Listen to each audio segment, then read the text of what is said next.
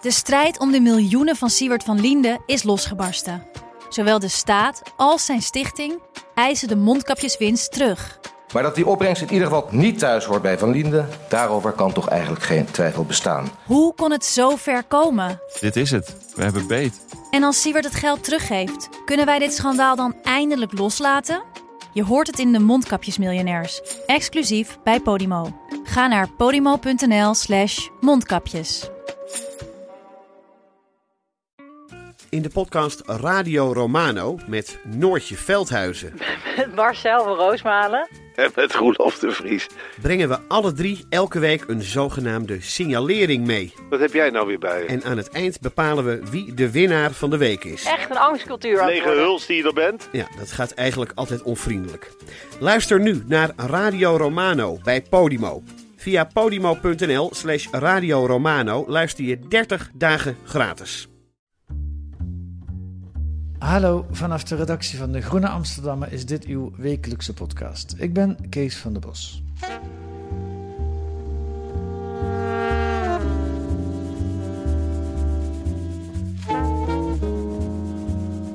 Ze is de dochter van de beroemde schaker Hein Donner en is familie van de oud-minister Piet Hein Donner.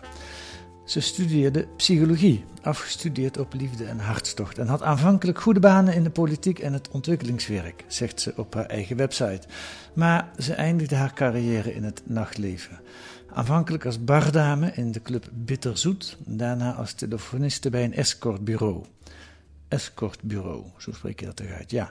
En nu is ze schrijfster, onder andere van het zelfverwoestingsboek dat vorig jaar uitkwam en nu al in het Italiaans vertaald is en meerdere talen staan op stapel. Schrijfster dus, van romans. Elke drie weken een column in De Groene en soms een essay, zoals deze week, over de wederopkomst van het geloof in de sterren, in horoscopen. Marianne Donner, welkom in de podcast. Dankjewel. Herken je jezelf een beetje in deze introductie? Ja, volgens mij is mijn eigen tekst, toch? Grotendeels wel. Mag ik je vragen een microfoon echt pal voor je mond te zetten? Want het maakt echt uit als je Ja. lekker dicht bij de microfoon eh, spreekt. Ehm, ik heb me laten vertellen dat jij een vis bent, als sterrenbeeld. ja. Ik ben een maagd. Ah, Eh, kan dat samen? ehm, ehm, ja, volgens mij gaat dat heel goed samen zelfs. Heel goed zo. Ja, dat- maar ik ben hier niet zo heel erg thuis in. Maar je hebt van die tekens die dan worden geacht echt heel goed bij elkaar te passen. En dan is het ultieme de ram en de stier, heb ik me ooit laten vertellen. Oké. Maar maagd en vis gaat volgens mij ook heel goed samen. Maar ja, uiteindelijk zegt het geboorteteken niet heel veel. Dit is je geboorteteken, moet je eigenlijk ook nog je ascendant Ja, weten. En ja, de maan en ja, zo. En dan... Ja, ja, ja. Maar daar gaat het om. Hè? Daar gaat jouw essay over. Over wat, wat zeggen die horoscopen?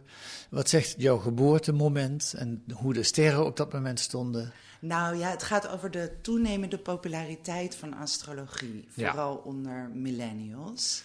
En dat is echt wel een tendens. Is dat zo? Ja, ja dat is toch wel. eh, ja, ik noem dat in mijn stuk ook. Ik had mijn stuk even teruggelezen ter voorbereiding. maar, dus dat weet ik nu heel goed. Ja. Maar, eh, ja, dat, maar dat is in Amerika. In Amerika zijn ze natuurlijk altijd extremer. Maar daar was iemand geweigerd ehm, op een kamer. omdat ze astrologically incompatible was. Ja, daarom vroeg ik het ook maar even aan. Ja, ja. dus ze, was, ja, ze, ze verenigde niet goed met de andere huisgenoten. En toen ja, mocht ze er niet in. Maar je hebt, ja, je hebt ontzettend veel Instagram-accounts nu. En van influencers die, eh, ja, die, die astrologie gebruiken om goede levenstips te geven. Je hebt heel veel memes.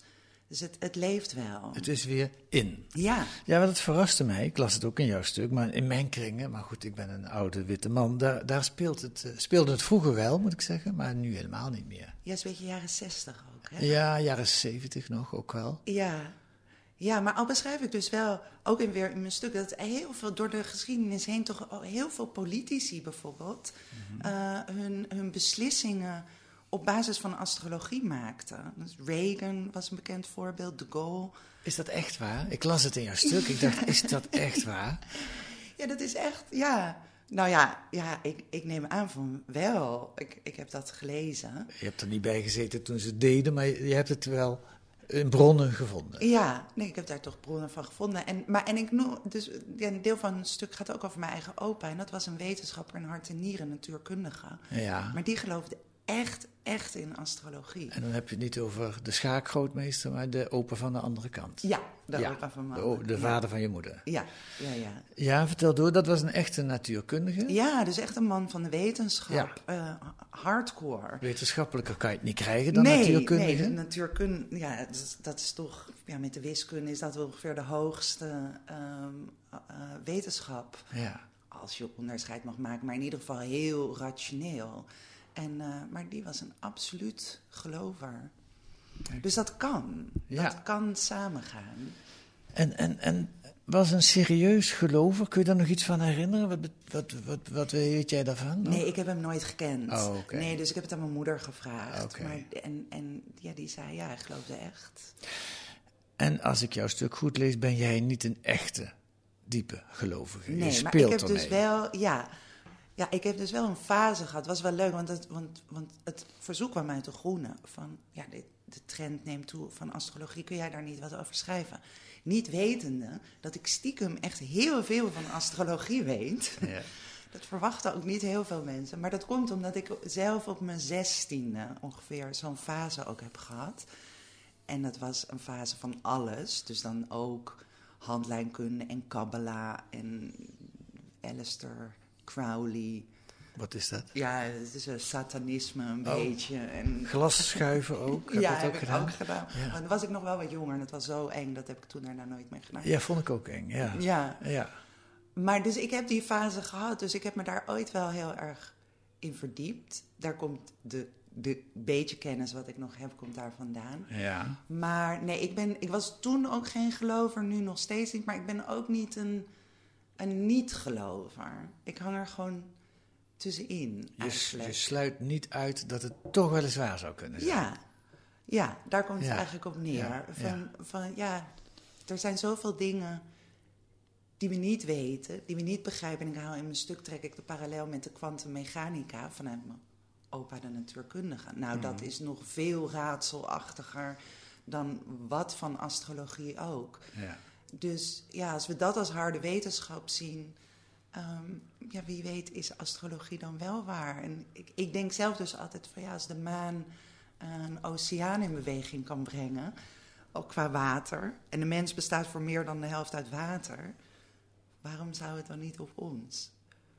Maar daar staat tegenover dat er echt heel veel onzin wordt verkondigd en dat het ook, ja, het is- ik vind het heel eh, tegenintuïtief dat het dat dat wel, dat je dat zo allemaal zo netjes zou kunnen categoriseren in twaalf tekens en dat het allemaal, dus ja, ik, ik geloof niet en ik geloof niet niet. Daar ergens. Ja, ja. En het zou, eh, en speelt het een rol in jouw leven nu? Behalve dat je nu een stuk voor de Groene erover geschreven hebt. Ja, nee, nul. Maar heel soms dan, dan zoek ik nog wel. Ik heb zo'n site, astro.com. Kan je gratis eh, een voorspelling voor de langere termijn zien. En daar kijk ik wel eens op. En dat is dan meer voor de lol. Ja, ja. En daar was wel één keer, was echt heel slecht. Voor een jaar lang. Ik weet niet meer welk jaar dat precies was. 2006 of zo. En het was ook echt een rotjaar. Dus dat klopte dan weer wel. En, en daarin staat ook dat over een cyclus van Saturnus, die maakt cycli van zeven jaar, maar dan keer drie. En ik deel mijn eigen leven wel echt op in cycli van zeven jaar, waarin zeven jaar, of als ik terugreken, is het altijd van 9 tot 16. Dat was echt stom. Van 16 tot 23 werd, werd leuk. En 23 tot 30 was fantastisch. Daarna weer stom. Enzovoort. En dat is een patroon wat ik zelf heb aangebracht. Waar ik ook niet echt in geloof, maar wat gewoon leuk is om te doen. Hoe zit je nu? Zit je in zeven goede Ik jaren? zit in hele goede jaren. Ja. Je boek wordt vertaald. Het is een, eh, een, een- ja, je kan wel zeggen een hit. Het slaat aan. Het raakt een snaar. ja, ja. Komen we zo op eh, dat boek. Ik wil nu even, wat mij wel interesseerde, wat jij beschrijft over jouw belangstelling voor horoscopen. En hoe jij verklaart dat het nu bij millennials zo in aan het raken is. Is dat het ingaat tegen een heersend idee in deze tijd, namelijk de maakbaarheid. Ja. Jouw succes kun je voor kiezen. ja. Dat is jouw succes. Dus jouw verlies is ook, of jouw niet jouw falen is ook Exact, Eh, het is een keuze. ja. Succes En dat is keuze. essentieel, hè? Ja, ik denk dat dat heel erg de aantrekkingskracht van astrologie is. Dat, die, dat, dat maakbaarheidsidee van je hebt je leven zelf in de hand en als je maar hard genoeg werkt, gezond eh, genoeg bent, eh, niks uitstelt en goed je to-do-lijsten bijhoudt, nou dan komt het succes vanzelf. Ja. Ehm, nou, dat is toch wel, blijkt eh, steeds weer dat dat natuurlijk niet waar is. Ehm, Ja, zeg jij nu, maar het is wel het heersende idee, denk ik, bij de millennials, bij veel jonge mensen. Nou ja, Want- zij zijn daar echt het meest ook mee opgegroeid. Echt, echt met zeg maar de, ja, zo'n soort obelix in, in, de, in de kan gevallen Ja. van de toverdrank. Ja, en dat Eh, legt een druk op mensen. Extreem, extreem. Dus ik denk dat het niet voor niets is dat er zoveel burn-outs, depressies onder millennials ook zijn. Die cijfers zijn echt hoog. Uh, omdat die druk, als jij alles in eigen hand hebt en eh, je, hoe je leven is, dat dat alleen maar aan jezelf te wijten is, ja, dat is gewoon een onmenselijk zware last om te torsen. Dus ja, ik denk dat mensen daar heel erg last of, eh, ja, onder gebukt gaat, gaan.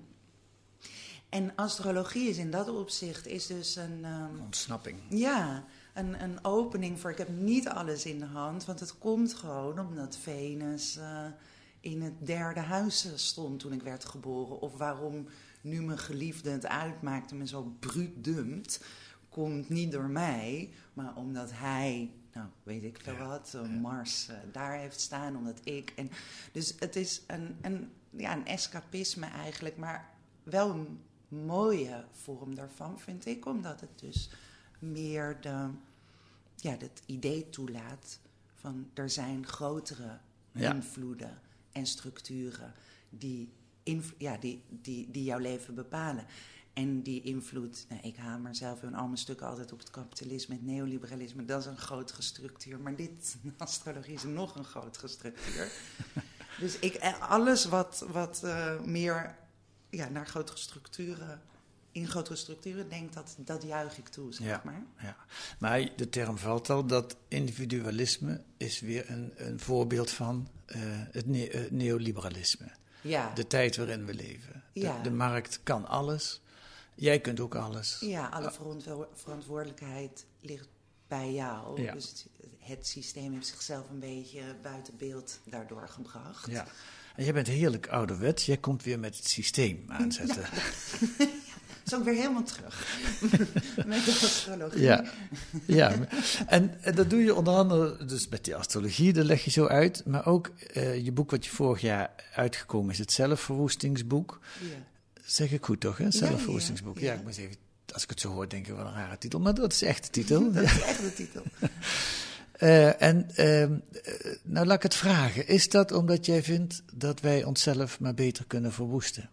Nee, dat helemaal niet. Nee, het is eigenlijk meer, maar dat bekt niet zo lekker. De, de neoliberale overtuigingen in jezelf verwoesten. En het spel niet meespelen. Uh, dus die, al die opdrachten om jezelf te optimaliseren, om de beste versie van jezelf te worden, zodat je maar goed meedraait. Um, dus ik, ik geef ook steeds het voorbeeld van wat we nu. Dus heel veel mensen hebben een flexcontract, te, te laag loon, veel te hoge huur, schulden van hun studie. Dus heel erg bestaansonzekerheid. Systeemdingen zijn Systeemdingen, ja, dat, daar kan jij niks aan doen. Daar heb jij niet voor gekozen.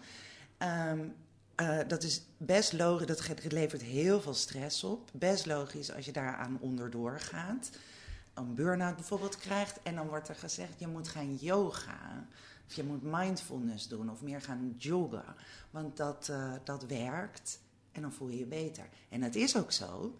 Je gaat je dan ook beter voelen en je kan ook beter met stress nou, wat omgaan. Is er, wat is er mis dan met die aan, aanbeveling? Nou, dat, er dus, dat je toch wijt aan jezelf en dat je braaf mee blijft draaien. En denkt het is mijn schuld. En niet uh, op politieke partijen gaat stemmen die daar wat aan willen doen of de straat op gaan. Om die absurde huizen eh, huren die er zijn. Dus het bedekt de werkelijke problemen. En het zorgt ervoor dat jij eigenlijk alleen maar beter meespeelt en mee kan draaien. Ja. Dus in die zin is die, die zelfvermaakindustrie, noem ik het maar even, eigenlijk een, een, een ideologische goedpraterij van het individualisme. Ja, en extreem gericht op aanpassing. Ja. Om je zo goed mogelijk mee te laten draaien. Inderdaad, als je gewoon echt eh, ja, op de, ja, zo gezond mogelijk leeft. eh, Zo, zo, zo ehm, eh, nou, veel sport, groene smoothies. Je lichaam in topconditie, je geest in topconditie. Niet drinken, niet roken en zo. Ja, dan, dan draai je lekker mee. Kun je meer uren maken. Ja. Eh, mindfulness om de stress eruit te krijgen. Maar ja, daar, je bent een rad in, of een radartje in het rad. En de rad draait door. En die verandert niet. En jij rookt en jij drinkt. Ja. Eh, Is dat verzet of is dat eh, Nee. gewoon verslaving? ja. Nou, dit drinken niet. Wat zoveel, nee, roken is absoluut, zal dat een verslaving zijn. Mhm. Ehm, maar ik verzet me. In mijn boek gaat het trouwens niet over roken. Want dat. Ik weet dat dat ook heel ongezond is en zo. Maar ehm, ik verzet me wel tegen ehm, het, de manier waarop gezondheid op zoveel manieren wordt afgedwongen nu. Dus het wordt steeds moeilijker gemaakt om te roken. Dus de rookruimtes verdwijnen. De, de, de treinmachinist mag niet meer op het perron even snel een sigaretje roken. Ja, nog wel. Dat wordt binnenkort afgeschaft. Ja, dat wordt dan binnenkort Ja, afgeschaft. ik heb net namelijk lekker een sigaretje op het spoor gerookt. Dus het mag nog even. Nog even snel. Dus het zijn manieren waarop de politiek eh, ook afdwingt om Ja. je zo gezond mogelijk te laten leven. Net zoals bij verzekeringsmaatschappijen ook. Daar kan je korting krijgen als jij aan yoga doet. En dat is een manier, en dat gebeurt, dan, dan wordt de verantwoordelijkheid dus bij het individu gelegd. Jij moet zo gezond mogelijk leven, ehm, want dan hebben we minder zieken en al dat soort dingen.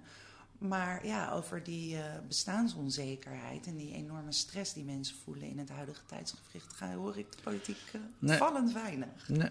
Terwijl, dat, dat moest ik aan denken toen ik jouw boek, oh, niet jouw boek, maar jouw artikelen over jou las. De overheid gaat heel ver. Hè? Als ik net een sigaretje opsteek op het perron, dan staat er als ik het bakje openklap dat ik iets dodelijks ga doen. En dat Ja. ik, eh dat staat een, foto van een blinde man die heel eng eh, kijkt. Ik kan er ook blind van worden. Het, ik betaal me blauw, zo'n pakje kost meer dan 8 duurder. euro. Ja. Eh, met andere woorden, daar gaat de overheid heel ver in het, in het mij disciplineren of proberen mijn gedrag te veranderen. Ja. Als ik een kaartje koop naar eh, Kreta om te Nee. vliegen voor 40 euro, als, als ik dat kan krijgen. Ja. Dat is misschien veel schadelijker voor de wereld, maar dat. Nee, ja, absoluut. Ja, nee, helemaal mee eens. Ook met eh, de bail-out. Of dat nu bij iedereen gewoon hutje-mutje wel in het vliegtuig mag zitten, maar een, eh, een festival mag niet. Er worden Nee. hele duidelijke keuzes gemaakt. En, en als je kijkt naar. Ja, dus weet je, ook als je niet rookt, als je in Amsterdam leeft, dan geloof ik rook je nog eh, acht sigaretten per dag of zo qua luchtvervuiling eh, en uitlaatstoffen. Ehm, maar ja, daar, daar, daar gaat het ook niet over. En bij het roken denk ik ook altijd, ja, ze zouden ook eh, die, de, de bedrijven, dus de, de fabrikanten aan kunnen pakken. Ze zouden kunnen eisen dat die schadelijke stoffen verminderd worden. Ehm, dat het niet, ja, dus nog meer allemaal additieven worden toegevoegd om je nog meer te laten roken. Dat zou ook een insteek kunnen zijn. Als je echt zo graag wil dat mensen gezond zijn. Ja. Maar dat gebeurt dus nooit. Het wordt altijd op het individu bij jou gelegd. Ehm, met, met schuldgevoelens, met schaamte, met geld wordt het afgedwongen. Eh, en ook ja, in een tijdsgeest. Want het is ook wel. eh, het is niet alleen de overheid die disciplineert. Als ik kijk. Ik, had dus, ik heb zeven jaar geleden heb ik een column over rook geschreven voor NRC Next. Altijd mijn favoriete voorbeeld. Ik kreeg niet zo'n lof. Mensen super enthousiast. Oh, zo'n leuke. Wa- Want, wat schreef je over. Ja, gewoon de eerste zin was zoiets van goed nieuws, er wordt weer meer gerookt. En het was een soort lofzang op, eh, op de sigaret. Nou, niets dan, dan goeds daarover. En toen, eh, vorige zomer schreef ik voor de Volkskrant, had ik een, eh, even een vervangcolumn, een tijdje. En toen schreef ik weer over de sigaret, niets vermoedend. En die was nog lichter van toon. En daar heb ik zulke boze reacties op gekregen. En mensen waren echt woedend. En of ik wel wist wat die vieze lucht van mij hen aandeed. Uh, um, en dat ik een slecht mens en een slechte uh, moeder was. En al die dingen. Dus het is ook, we disciplineren ook elkaar. Ja. Het is ook zo, als we een heel dik iemand zien, dat we denken, ja, nou voor jou uh, ga ik niet, wil ik niet gezondheidszorg betalen. Ga jij eerst maar eens afvallen. Ja. Het is bijna alsof je dus een goed mens moet zijn voordat je verdient om, om zorg te krijgen. Ja. Dus het, maar daarin zie je een tijdsgeest weerspiegeld, waarin Ja. alles op eigen verantwoordelijkheid wordt afgedwongen. En het, het neemt toe, of het zit bij de voormalig linkse Volkskrant-lezers wat meer dan bij de liberale Dat NRC-lezers. zou ook kunnen. Ja, Ja, ja, ja, ja, dat is waar. Dat zou kunnen. Ehm, hoe zit het in jouw eigen leven? Heb jij ook, eh, eh, je maakt nu de indruk en je schrijft alsof je die eh, schaamte, misschien moeten we het daar nog apart over hebben, en die zelfdisciplinering, dat je daar nu vrolijker mee omgaat. Dat je dat, maar is dat altijd zo geweest, vroeg ik me af? Of heb jij ook een periode gehad dat je eh, fanatiek naar de yoga ging en dat je dacht dat je aan eh, Marian Donner moest schaven om er een betere Marian Donner van te Ja, maken? ja.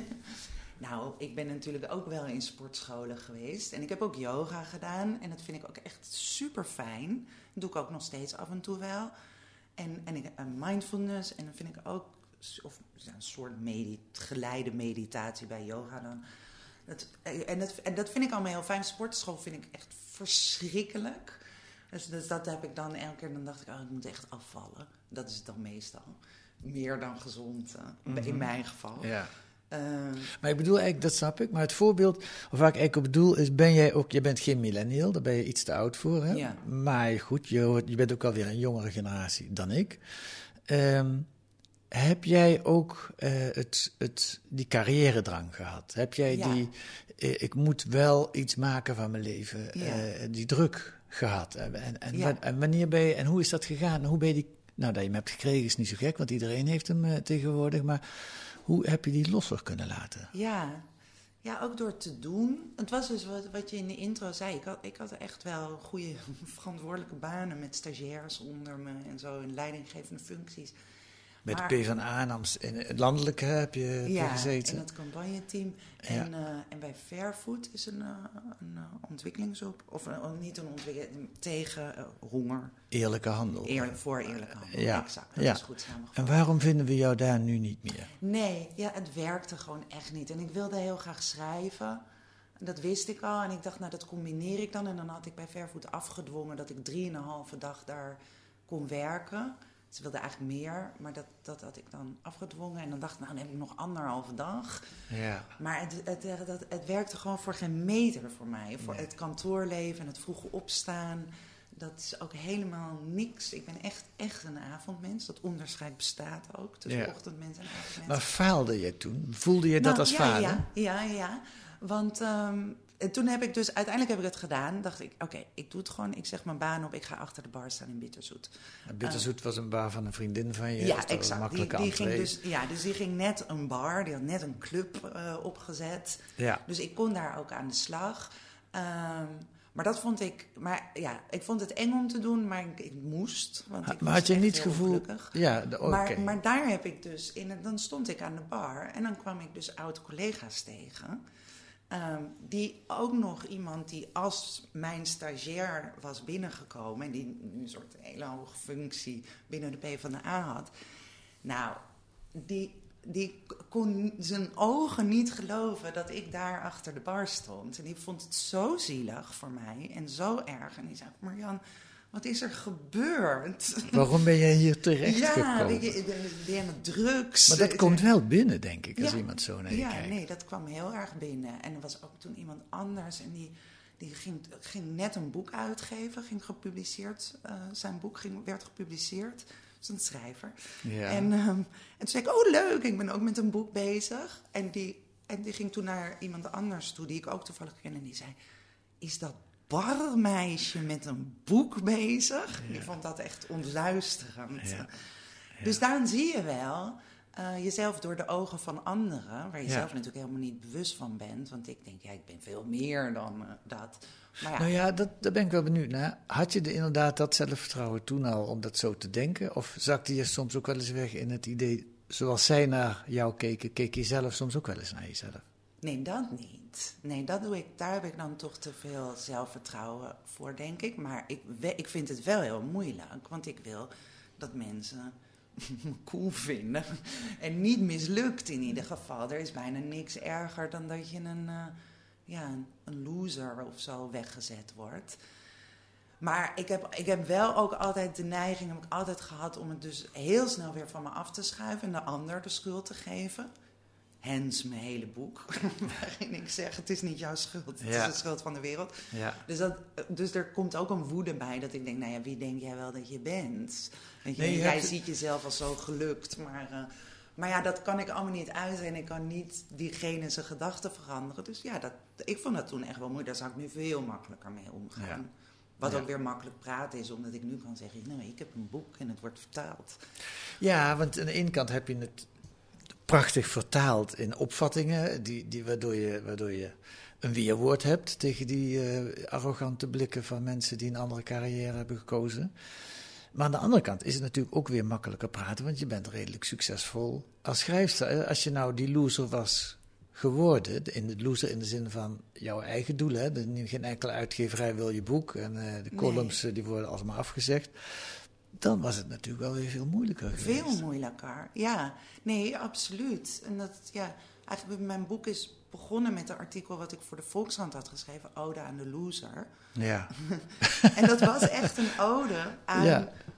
Maar ja, toch de zou mensen die wij als mislukt zien. eh, die dan, ja, in een klein kamertje ergens eh, eeuwig blijven dromen van dat grote boek of het grote kunstwerk. Of, en waar, waar we nooit iets van horen. Waar, en, en waarvan we dan als maatschappij zeggen: oh, die zijn mislukt.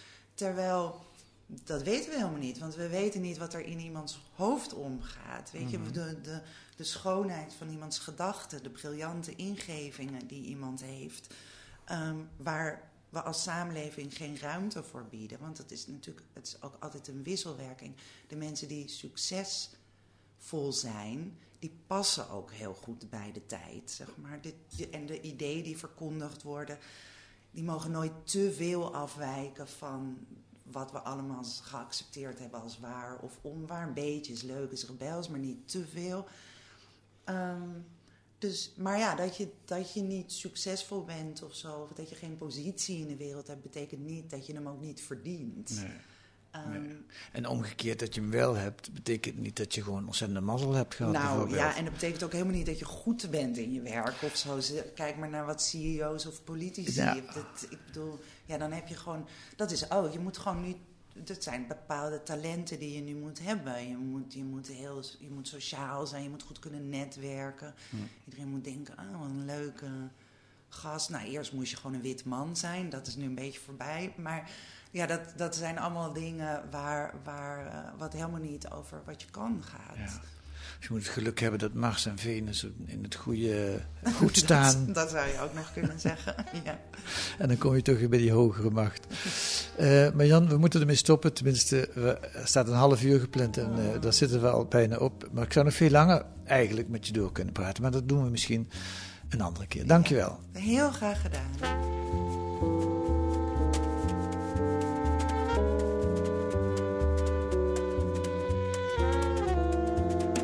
En verder in De Groene deze week. Amsterdam na corona. De pandemie brengt scherp aan het licht hoe de stad worstelt met massatoerisme, de woningmarkt en de beperkte ruimte. Lukt het Amsterdam zichzelf opnieuw uit te vinden? Heb je ook zo'n heerlijke tijd in Amsterdam gehad de laatste maanden, dat het zo rustig was? Of? Ja, ik vond het best wel fijn. Ja. Voor, voor Amsterdammers was het heerlijk. hè? Ja. En het, het weg, hè? Maar Ja, het is eh, aanzienlijk drukker aan het worden.